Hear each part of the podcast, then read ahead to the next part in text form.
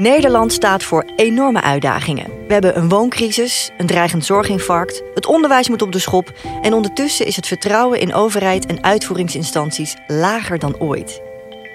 Maar wat als je een probleem moet zien te tackelen dat zo groot is dat het ogenschijnlijk geen oplossing heeft?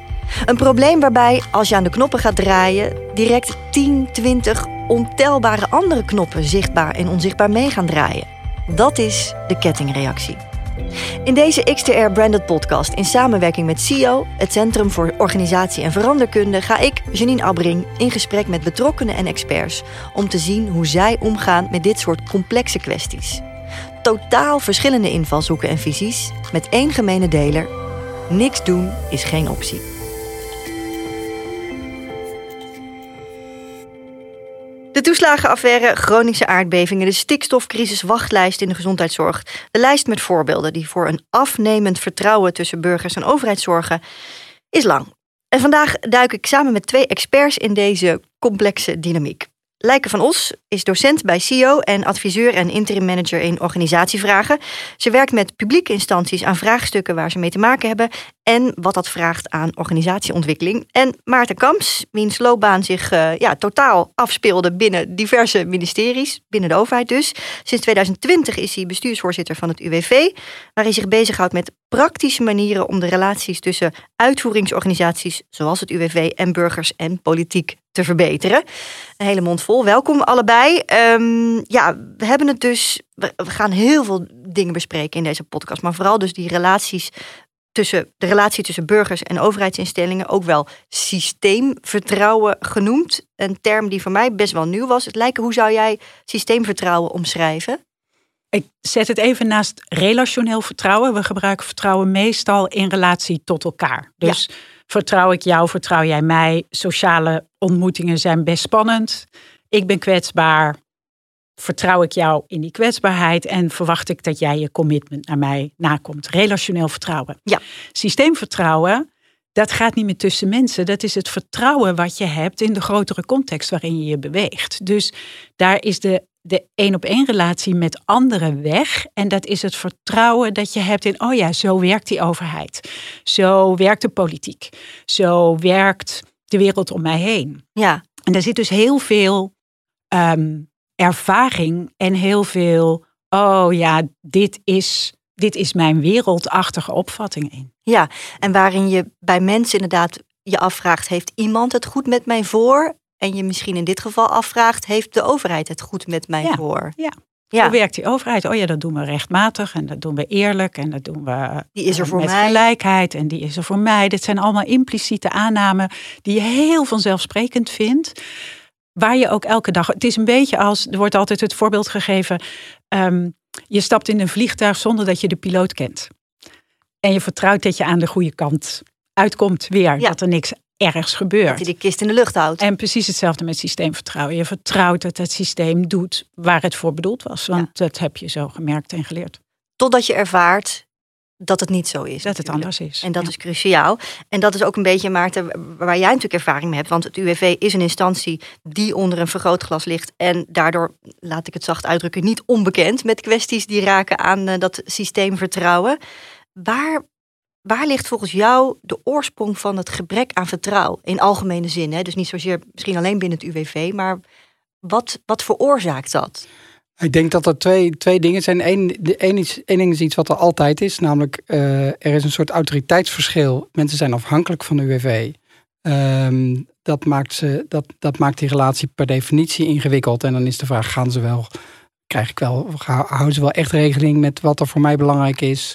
Eh, gaan ze wel goed om met mijn gegevens? Eh, krijg ik wel op tijd mijn beslissing? En hoe gaat het dan verder? Dus daar, zit een, daar komt een deel van, van ja, toch een soort van afstand en dus eh, minder vertrouwen komt daar vandaan. Dus de, de, de afhankelijkheidsrelatie is een basis voor gebrek aan vertrouwen. Ja, die maakt het ingewikkeld, want de overheid is natuurlijk altijd zwaarder, zou je kunnen zeggen, ehm, machtiger als je wil dan de individuele burger. Mhm. Zo wordt het gepercipieerd. Zo is het voor een deel natuurlijk ook. Dus die afhankelijkheid is er. Eh, bij UWV is het natuurlijk zo, wij nemen een beslissing over of iemand een uitkering krijgt of niet. Dat heeft enorme impact op het leven van iemand. Ehm, en, eh, ja, en wij zijn daar uiteindelijk hebben daar de touwtjes in handen. Dat maakt iemand dus afhankelijk van UWV. Iets anders is een ontwikkeling die er eigenlijk is geweest in de afgelopen 15, 20 jaar, zou je kunnen zeggen, waarin de nadruk uh, binnen de overheid en binnen uitvoeringsorganisaties heel erg is komen te liggen op efficiëntie en op rechtmatigheid. Zo goedkoop mogelijk, zo snel mogelijk dingen doen, beslissingen nemen en, uh, en het ook zo strak mogelijk binnen de kaders van de wet. Mm uh, en de wetmatigheid, de rechtmatigheid stond heel sterk voorop. En um, dan zie je dat die wet uh, niet altijd voor iedereen op dezelfde manier uitpakt. En dat de, wat misschien de letter van de wet is, niet altijd hetzelfde is als wat de bedoeling is van de wet. En dus wat burgers verwachten van die overheid. En daar gaat het dan ook mis, want dan denken die burgers van ja, maar ik zou, had toch eigenlijk, er is mij toch verteld, als ik ziek word, krijg ik een uitkering voor arbeidsongeschiktheid. Ja. Maar daar blijkt dan een heel ingewikkeld systeem volgens de letter van de wet gemaakt te zijn, wat niet spoort met de verwachtingen die mensen hebben. Um, dus het is ingewikkeld gemaakt. Het is heel erg strak en rechtlijnig gemaakt. Die uitvoering is ook zo ingericht langs die efficiëntie. En dat maakt dat burgers niet meer hun verwachtingen waargemaakt krijgen. Want die denken, ja, die overheid, wat Lijken net ook zegt, die is er voor mij, die gaat dat op een goede manier doen. Ja. Daar vertrouw ik in. En dat blijkt dan toch niet uit te pakken. Ja, en dan ontstaat het wantrouwen. Ik doe A, dus B en dan C. Ja. En dan blijkt dat niet zo te werken. Ja. Jij zat te knikken, Lijken. Ja. Ja, en je, je zie je ook wel heel erg mooi. Ik vind dat, uh, dat is iets spannends in als het over vertrouwen in instituties gaat of systeemvertrouwen. Dat um, als je het systeem heel goed kent, dan weet je er de weg in. En dan is vertrouwen eigenlijk makkelijker. Dan begrijp je ook beter wat er gebeurt. Jij kan het bijvoorbeeld nu heel mooi uitleggen. Maar er wordt ook wel gezegd, er is een soort horizontale spreiding van vertrouwen. Hoe verder je weg zit van de institutie die het betreft, hoe meer het een, een stereotype wordt waar je weer allemaal verwachtingen over hebt, maar je kan er niet meer inkijken. Ja, ja, en ja. dan wordt het heel ingewikkeld als het ding niet doet wat jij verwacht. Dan begrijp je het ook niet. Je kan, je kan er ook moeilijk het gesprek over voeren. Je ziet het ook. Weet je, je hoort tegenwoordig, ja, maar ja, dat zegt de rechter. Nou, daar, daar heb ik niet zoveel vertrouwen in. Huh? Uh, dat dat is heel normaal als je niet goed snapt hoe het rechtssysteem in elkaar zit. Maar naarmate je dat beter begrijpt, denk je, wat, wat zeggen die mensen nou toch? Dus we hebben ook te maken met mensen die ver weg zitten van de rationale van het organiseren van zo'n systeem. Ja, ja, ja, super interessant inderdaad. Ik merk dat en ik ga toch even ook iets persoonlijks inderdaad hierover zeggen. Want ik merk dat bijvoorbeeld ook heel erg. Ik heb als journalist in mijn lange loopbaan heel vaak politici geïnterviewd. Dus dat betekent dat je mensen ook in de ogen hebt gekeken en ook kent. En daardoor is over het algemeen mijn vertrouwen in de politiek best wel groot omdat ik ze inderdaad in sommige gevallen, niet persoonlijk, ik kom niet bij ze over de vloer, maar ik heb ze wel gesproken. En voor heel veel Nederlanders geldt dat natuurlijk niet. En dan is dat ja, dat, dat wantrouwen duikt natuurlijk veel sneller, steekt veel sneller de kop op. Maar ja, hoe kan je als uitvoeringsorganisatie of als UWV inderdaad, je kunt niet iedereen persoonlijk benaderen. Je kunt ja, met niet iedereen een, een, een, relatie opbouwen. Nee, maar wat jij, wat jij zegt is wel een mooi voorbeeld, want dat laat zien onbekend maakt onbemind. Ja. En dat speelt ook bij, ook bij ons. Um, en dat betekent dat wij uh, veel duidelijker moeten zijn veel zichtbaarder moeten zijn over wat wij doen en wat, waar wij voor zijn. En misschien wel, dat, dat wordt dat wel heel mooi samengevat in um, het feit dat wij nu tegenwoordig zeggen, ja, wij zijn geen uitvoeringsorganisatie, maar wij zijn een publieke dienstverlener. Wij zijn geen uitvoerder van wetten, um, maar wij zijn een dienstverlener van burgers. Dat klinkt heel anders. Uh, wij zijn er dus voor jou, voor de burger. Wij zijn er om jou te helpen. -hmm. Daarmee komen we al, al is het maar in taal, veel dichter bij, dichter bij mensen. En vervolgens is natuurlijk de uitdaging om dat ook waar te maken. En dat dus ook in ons gedrag en al onze uitingen ook te zorgen dat we ook die dienstverlener voor burgers zijn. Ja. En dat proberen wij door veel dichter bij mensen te gaan staan, door mensen veel meer contact te zoeken. Uh, te beginnen bij mensen die een beroep op ons doen. Uh, door uh, mensen te bellen als er een ingewikkelde beslissing is, of als het nog lang duurt voordat er een beslissing wordt genomen door onze brieven veel simpeler te maken, waardoor het veel begrijpelijker wordt.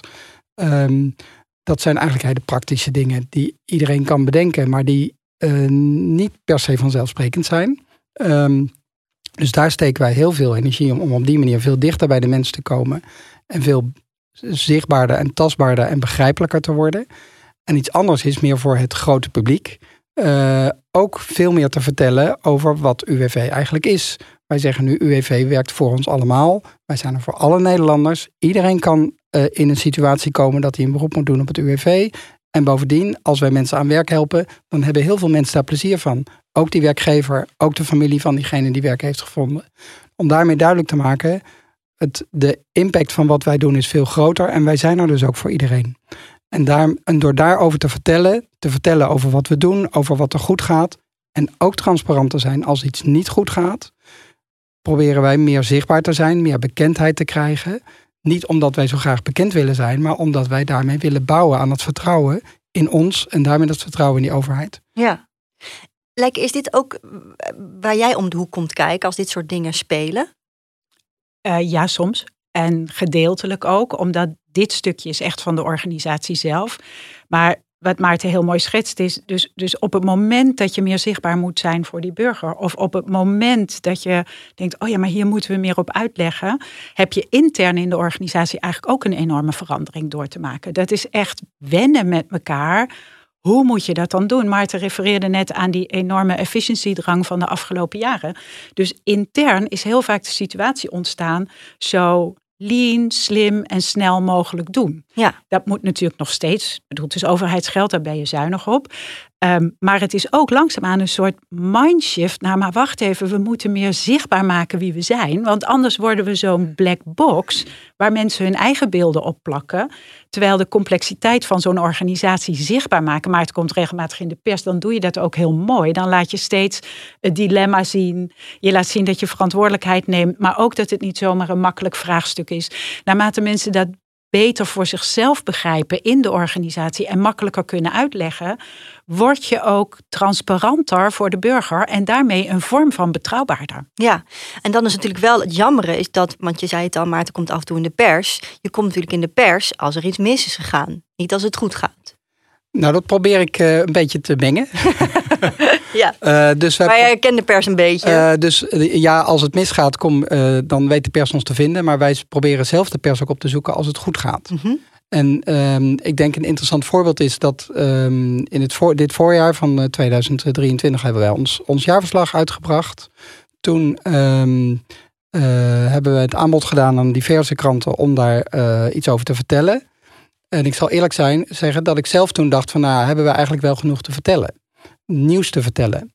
En toen bleek gaandeweg uh, dat we juist heel veel nieuws te vertellen hadden. Precies over hoe wij bezig zijn met het uh, verbeteren van onze dienstverlening. En wat dat doet met burgers. Met brieven, met bellen.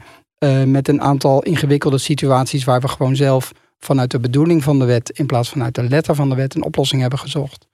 Um, uh, hoe onze medewerkers enthousiast zijn over die nieuwe beweging. Want die voelen heel goed aan wat burgers nodig hebben. Wat mensen eigenlijk van ons vragen. En zitten zelf ook gevangen in dat keurslijf van efficiëntie en rechtmatigheid. En zoek, proberen daar ook uit te komen.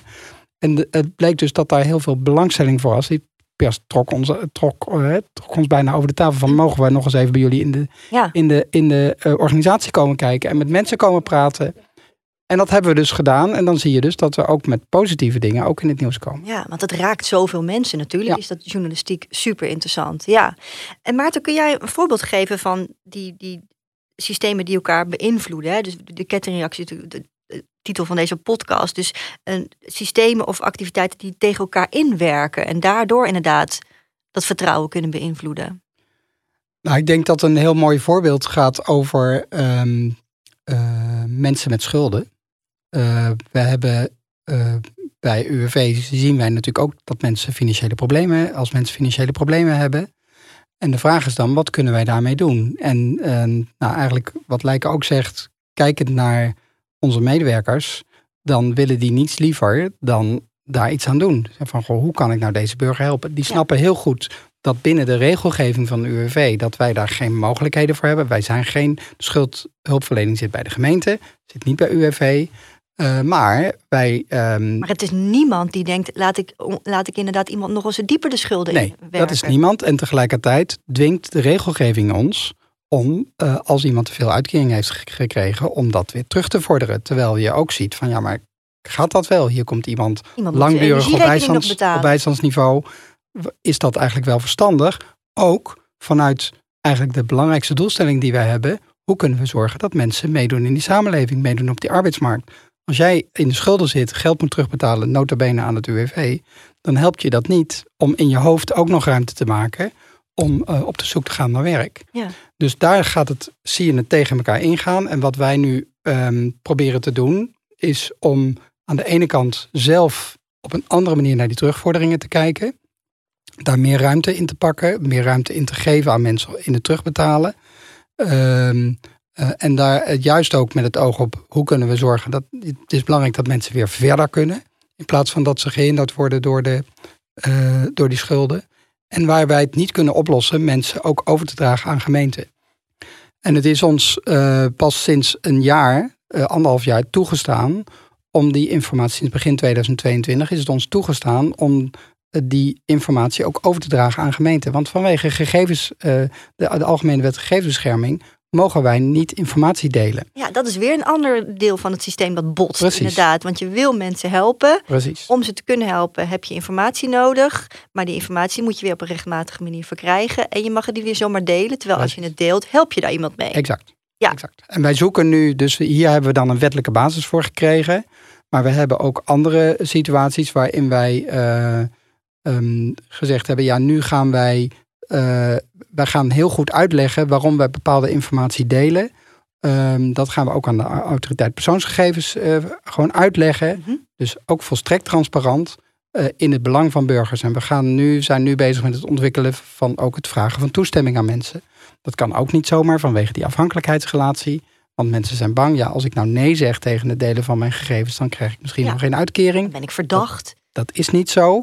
Uh, dus dat vraagt om een hele goede informatie naar mensen, maar daarmee kunnen we mensen ook beter helpen. Dus we zoeken naar wegen om met die ingewikkelde wetgeving om te gaan. En die complexe systemen, die, die botsende systemen, om daar een beetje dat een beetje te omzeilen of daar tussendoor te gaan. Ja, en in hoeverre luistert de centrale overheid dan eigenlijk naar suggesties en kritiek van organisaties die dat beleid moeten uitvoeren? Uh, steeds meer. Dus het is wat, wat wel echt ook veranderd is de afgelopen jaren, is dat er veel meer oor is naar wat speelt er nu eigenlijk bij die publieke dienstverleners, bij die uitvoeringsorganisaties. Ook omdat steeds meer het besef uh, daar is van ja, eigenlijk dat vertrouwen in die overheid, dat vindt plaats bij die uitvoering. Aan het loket van het UWV, van het CBR, tussen het contact van die politieagent met die burger. Daar komen overheid en burger bij elkaar en daar ontstaat dus ook het vertrouwen. Dus daar moet je zijn als je echt wil bouwen aan het vertrouwen. Dat is klinkt een beetje gek, maar dat is, vindt toch minder plaats, meer daar plaats dan, dan in de Tweede Kamer, zeg ja, maar. zeker. Uh, Lijken, um, we hebben allemaal gezien dat een overheid wel snel kan uh, schakelen als er iets onverwachts gebeurt. Uh, ja, natuurlijk, de coronapandemie is daar een goed voorbeeld van. Waarom kan het op zo'n moment wel, denk jij? omdat er heel veel onzekerheid is en een bedreiging die je niet goed kent. En um, dan er is een heel mooi, er is nog een heel mooi vertrouwensbegrip. Dat heet flitsvertrouwen. Swift trust. Um, en flitsvertrouwen, uh, vertrouwen, normaal vertrouwen ontstaat in de loop van de tijd. In de loop van de tijd bewijzen wij elkaar dat we te vertrouwen zijn. Het groeit. Het groeit. Swift trust is vertrouwen wat je aan de voorkant geeft, omdat je niet anders kan. Omdat je in een situatie zit waarvan je denkt, ja, het moet nu, want anders gaat het niet goed. Of Um, in corona zag je in één keer die Swift Trust, zag je dat flitsvertrouwen. We moesten met elkaar. En dan kan er ook in één keer heel veel overhoop. En we kunnen zorgen dat we het regelen. Het ingewikkelde is dat het geen verandering is, maar aanpassing. We passen ons even aan aan de bedreiging. Als de bedreiging weer weg is, zakken we met z'n allen gewoon langzaam terug. Een aanpassing is een tijdelijke verandering. Aanpassing is een tijdelijke verandering. Ja. Dat is de, en dat doen we allemaal als we een goed voornemen hebben. En langzaamaan zakt het weer weg. Hè? Klopt, is... ja. Iedereen gaat nu weer inderdaad naar zijn werk. En, en, en mensen gaan weer in het vliegtuig. Het zakt gewoon terug. En het ingewikkelde van flitsvertrouwen is dat dat minder duurzaam is dan uh, langzaam opgebouwd vertrouwen. En dat het ook moet concurreren met het systeemvertrouwen. Dat zit gewoon diep verankerd in ons oh ja, zo werkt het. Dus heel veel taken for granted in systeemvertrouwen. Ja. Zo werkt het nou eenmaal. En Swift Trust is, oh ja, dat hebben we even gedaan met elkaar. Dat heeft die duurzaamheid niet van dat systeemvertrouwen. Dus blijkbaar bestaat er iets als, als, als, als flitsvertrouwen. Maar daar zit je natuurlijk als, als uitvoeringsinstantie ook niet op te wachten, denk ik, Maarten. Nee, daar zitten we niet op te wachten, want dat is niet zo duurzaam. Nee. Ehm, maar ik vind wel eh, corona ook wel een mooi voorbeeld waar het wel ook voor ons althans wel een, een, een lang, langere doorwerking heeft. Ehm, eh, je zou kunnen zeggen, corona is nog niet zo heel lang geleden, dus we gaan zien hoe lang dat blijft doorwerken. Maar eh, wij hebben heel veel complimenten gekregen voor hoe wij de NOE eh, hebben georganiseerd. De regeling om te zorgen dat mensen in dienst konden blijven. Daar hebben we werkgevers voor betaald. Ehm, nou, dat is ook echt heel erg goed gedaan door de mensen bij UWV. Ik kan het makkelijk zeggen, want ik was er nog niet op dat moment. Dus dat is ook echt... Het zijn geen eh, complimenten aan geen, jezelf. geen complimenten aan mezelf. Dat is echt super goed gedaan. Ehm, en dat heeft echt tot een boost van vertrouwen in UWV geleid. En wij zien dat dat vertrouwen ook op dat niveau blijft. Het is wel iets teruggezakt, maar het blijft, blijft behoorlijk op niveau. Ehm, en dat heeft, dus ergens is dat vast. Mensen beginnen ook allemaal nog steeds, als ik werkgevers spreek, het eerste wat ze zeggen, geweldig wat jullie met de UWV, met de NOE hebben gedaan, daar heb ik mijn bedrijf door gered. En ehm, dus dat, dat beklijft en veel ehm, eh, werknemers, veel burgers zien dat ook. En dus dat, op de een of andere manier is dat blijven hangen. En tegelijkertijd proberen wij natuurlijk zelf met alles wat, waar, waar we mee bezig zijn, met het verbeteren van dienstverlening, op een andere manier te bouwen aan dat vertrouwen. Ja. Maar dat blij, er is wel echt ook iets, iets blijven hangen. Ja, het is misschien ook goed om te benoemen inderdaad, want we hebben het nu een aantal minuten over dat gebrek aan vertrouwen natuurlijk in, in overheidsinstanties en de- in de overheid in het algemeen. Maar we kunnen ons natuurlijk ook afvragen of dat wel zo is. Of dat het misschien ook de uitwassen zijn van. Of uitwassen is misschien niet het juiste woord, maar je hoort natuurlijk eigenlijk altijd alleen maar de negatieve dingen daarover. Ik weet niet of, want jij, jij knikt nu lijken. Ja, ja. Het is, het- wat, wat jij schetst, Maarten, eh, is een heel mooi voorbeeld van hoe in dit geval vanuit het flitsvertrouwen meer vertrouwen in het UWV is ontstaan.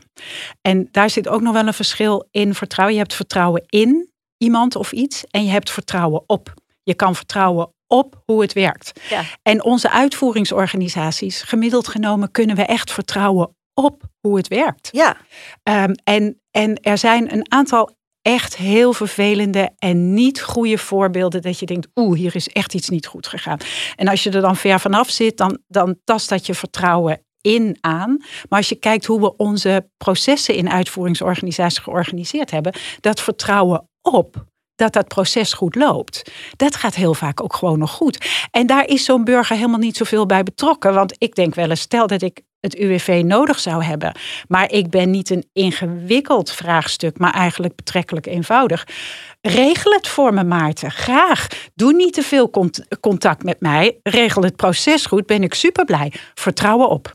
En dat is volgens mij behoorlijk stevig nog hoor in Nederland. Ja, nou ja, ik denk dat de Belastingdienst daar ook een goed voorbeeld van Zeker. is. Je hebt enerzijds de toeslagenaffaire en het gevoel van eh, een grote groep mensen die de Belastingdienst haat. En ondertussen doe je ook gewoon je aangifte. En ik doe mijn BTW elke drie maanden. En ik ga er gewoon vanuit dat dat vlekkeloos verloopt. En dat is ook zo. En er zijn er miljoenen mensen die iedere maand een toeslag krijgen. Ja, Zonder enig probleem. ja, ja. Dus dat is, dit, is, dit is denk ik wel ook een belangrijke basis. Dat er heel veel gewoon goed gaat. Ehm, en eh, kijk, bij ons, er zijn bij ons 1,3 miljoen mensen die iedere maand van ons een uitkering krijgen. Het is niet zo dat er 1,3 miljoen mensen staan te klagen iedere maand. Nee, Eh, zou dus wat zijn. je ziet, dat zou het zijn. Dan hebben we echt een levensgroot probleem. Er, zijn, ja, er gaan dingen mis. Dat is niet goed. Daar moeten we iets aan doen. Dat heeft allerlei oorzaken. Ehm, en, eh, en daar moeten we echt iets aan doen. Eh, maar het is ook goed om te, om te onderkennen, precies wat Lijken zegt, dat er heel veel goed gaat. Eh, en el- elkaar dus ook niet de put in te praten. Ik wil jullie bedanken voor dit eh, ja, super interessant gesprek. Ik kan nog makkelijk nog wel een uur hierop doorpraten, maar we moeten het ook een beetje beknopt houden. Dus dankjewel Maarten Kamps, Lijken van Os. Hebben jullie van elkaar iets opgestoken? Vroeg ik me nog af. Ik bewonder Maarten echt heel erg om elke keer die complexiteit aan kunnen kijken en er ook mee kunnen omgaan. En dat hoor je ook in zijn verhaal nu. Hè? Het wordt nergens plat. Het is elke keer en die complexiteit aankijken en kijken hoe je daar stappen in kan maken. En dat is echt heel erg knap, want ik denk dat is echt de enige manier met alle geduld en alle kleine stapjes die daarbij horen, om elke keer door te werken aan hoe doe je dat in uitvoeringsorganisaties in relatie tot de burger. Dus ik vind dat mooi om te horen en te zien. Dan toch nog een vraag aan jou Maarten. Hoe zorg jij dat je dat geduld niet verliest? Eh, door iedere keer ehm, eh, de, de vertrouwen in te hebben dat de medewerkers bij ons in de organisatie ehm, op de goede manier kijken naar hoe zij dienstverlening aan burgers willen kunnen geven. Dat die allemaal vanuit een goede intentie uh, en een goede houding hun werk doen. Ehm, en dat ik ook zie dat we daarin vooruitgang boeken. En natuurlijk, als het dan weer niet lukt, ben ik, eh, ben ik natuurlijk ook gefrustreerd. Hè? Dat is natuurlijk ook zo. Dan ben ik ook ongeduldig. Maar het, het, de vooruitgang helpt. En het vertrouwen in, in, in alle collega's bij UWV helpt daar ook enorm bij. Ja, en dan natuurlijk de vraag of jij ook nog iets van lijken hebt geleerd in dit gesprek, Maarten. Nou, ik heb heel veel geleerd over uh, systeemvertrouwen, alle, alle vormen die daar zijn. Ehm, en wat ik heel erg meeneem, is het onderscheid tussen vertrouwen op en vertrouwen in. Ehm, en daardoor ga ik ook weer iets meer begrijpen van waar wij eigenlijk mee bezig zijn. En dat is, richt zich heel erg op vertrouwen in. Ehm, en uh, nou, dat ga ik nog eens even verder uitdiepen. Maar kun je het uitleggen? Het betekent vertrouwen in UWV, vertrouwen dat wij de goede dingen doen voor de mensen, dat wij er zijn voor mensen, dat wij ook in hun belang handelen. Dat beschouw ik als vertrouwen in. En dat is waar wij, uh, dat is denk ik precies de beweging die we aan het maken zijn naar, een publieke dienstverlener, de menselijke maat voorop. Hoe kunnen we echt zorgen dat we mensen centraal zetten en mensen helpen op die arbeidsmarkt? Helpen om, uh, om ook, uh, ook eigenlijk weer verder te kunnen uh, nadat ze hun baan zijn kwijtgeraakt of nadat ze ziek zijn geworden. Ja, dus het vertrouwen op is gewoon, ja, ik krijg iedere maand die uitkering. Het systeem werkt, in. maar werkt het ook voor mij?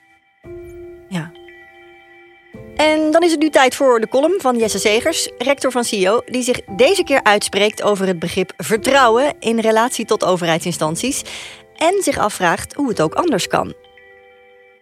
Ik keek naar mijn negenjarige dochter terwijl ze me uitlegde wat vertrouwen voor haar betekende. Haar woorden raakten de essentie.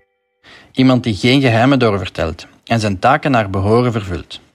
Ze begreep dus intuïtief twee dimensies van vertrouwen: competentie en integriteit. De vaardigheid om een taak uit te voeren en handelen in overeenstemming met waarden en principes. Maar als dat zo is, vraag ik me af, wat blijft er dan over om te vertrouwen als iemand of een systeem zich competent en integer heeft bewezen?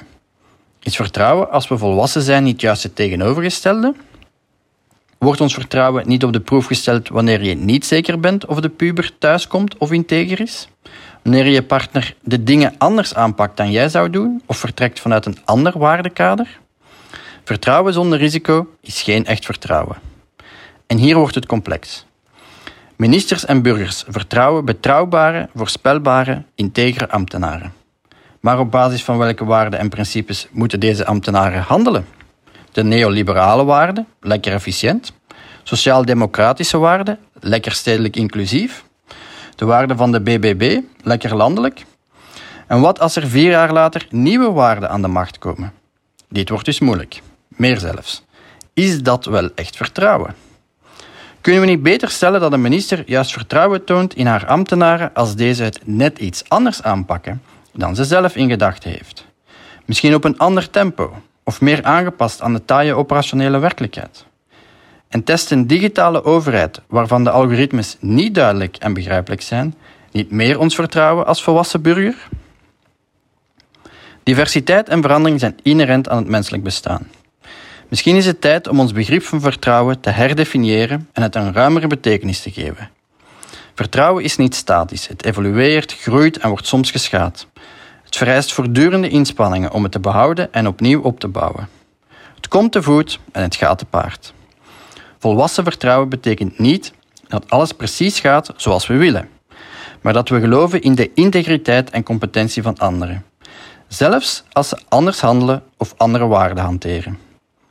Dus laten we het gesprek aangaan, zowel op persoonlijk niveau als in onze samenleving, over wat vertrouwen als volwassene werkelijk betekent. Dit is de eerste noodzakelijke stap om vertrouwen te herstellen en te versterken. Laten we ook samen onze angsten en onzekerheden onder ogen zien. Hierdoor ontstaat collectief een dieper begrijpen van een vertrouwen dat de complexiteit van onze moderne wereld weerspiegelt en ons in staat stelt om samen te groeien. Want uiteindelijk is vertrouwen niet iets dat we kunnen bezitten, maar iets dat we voortdurend moeten cultiveren.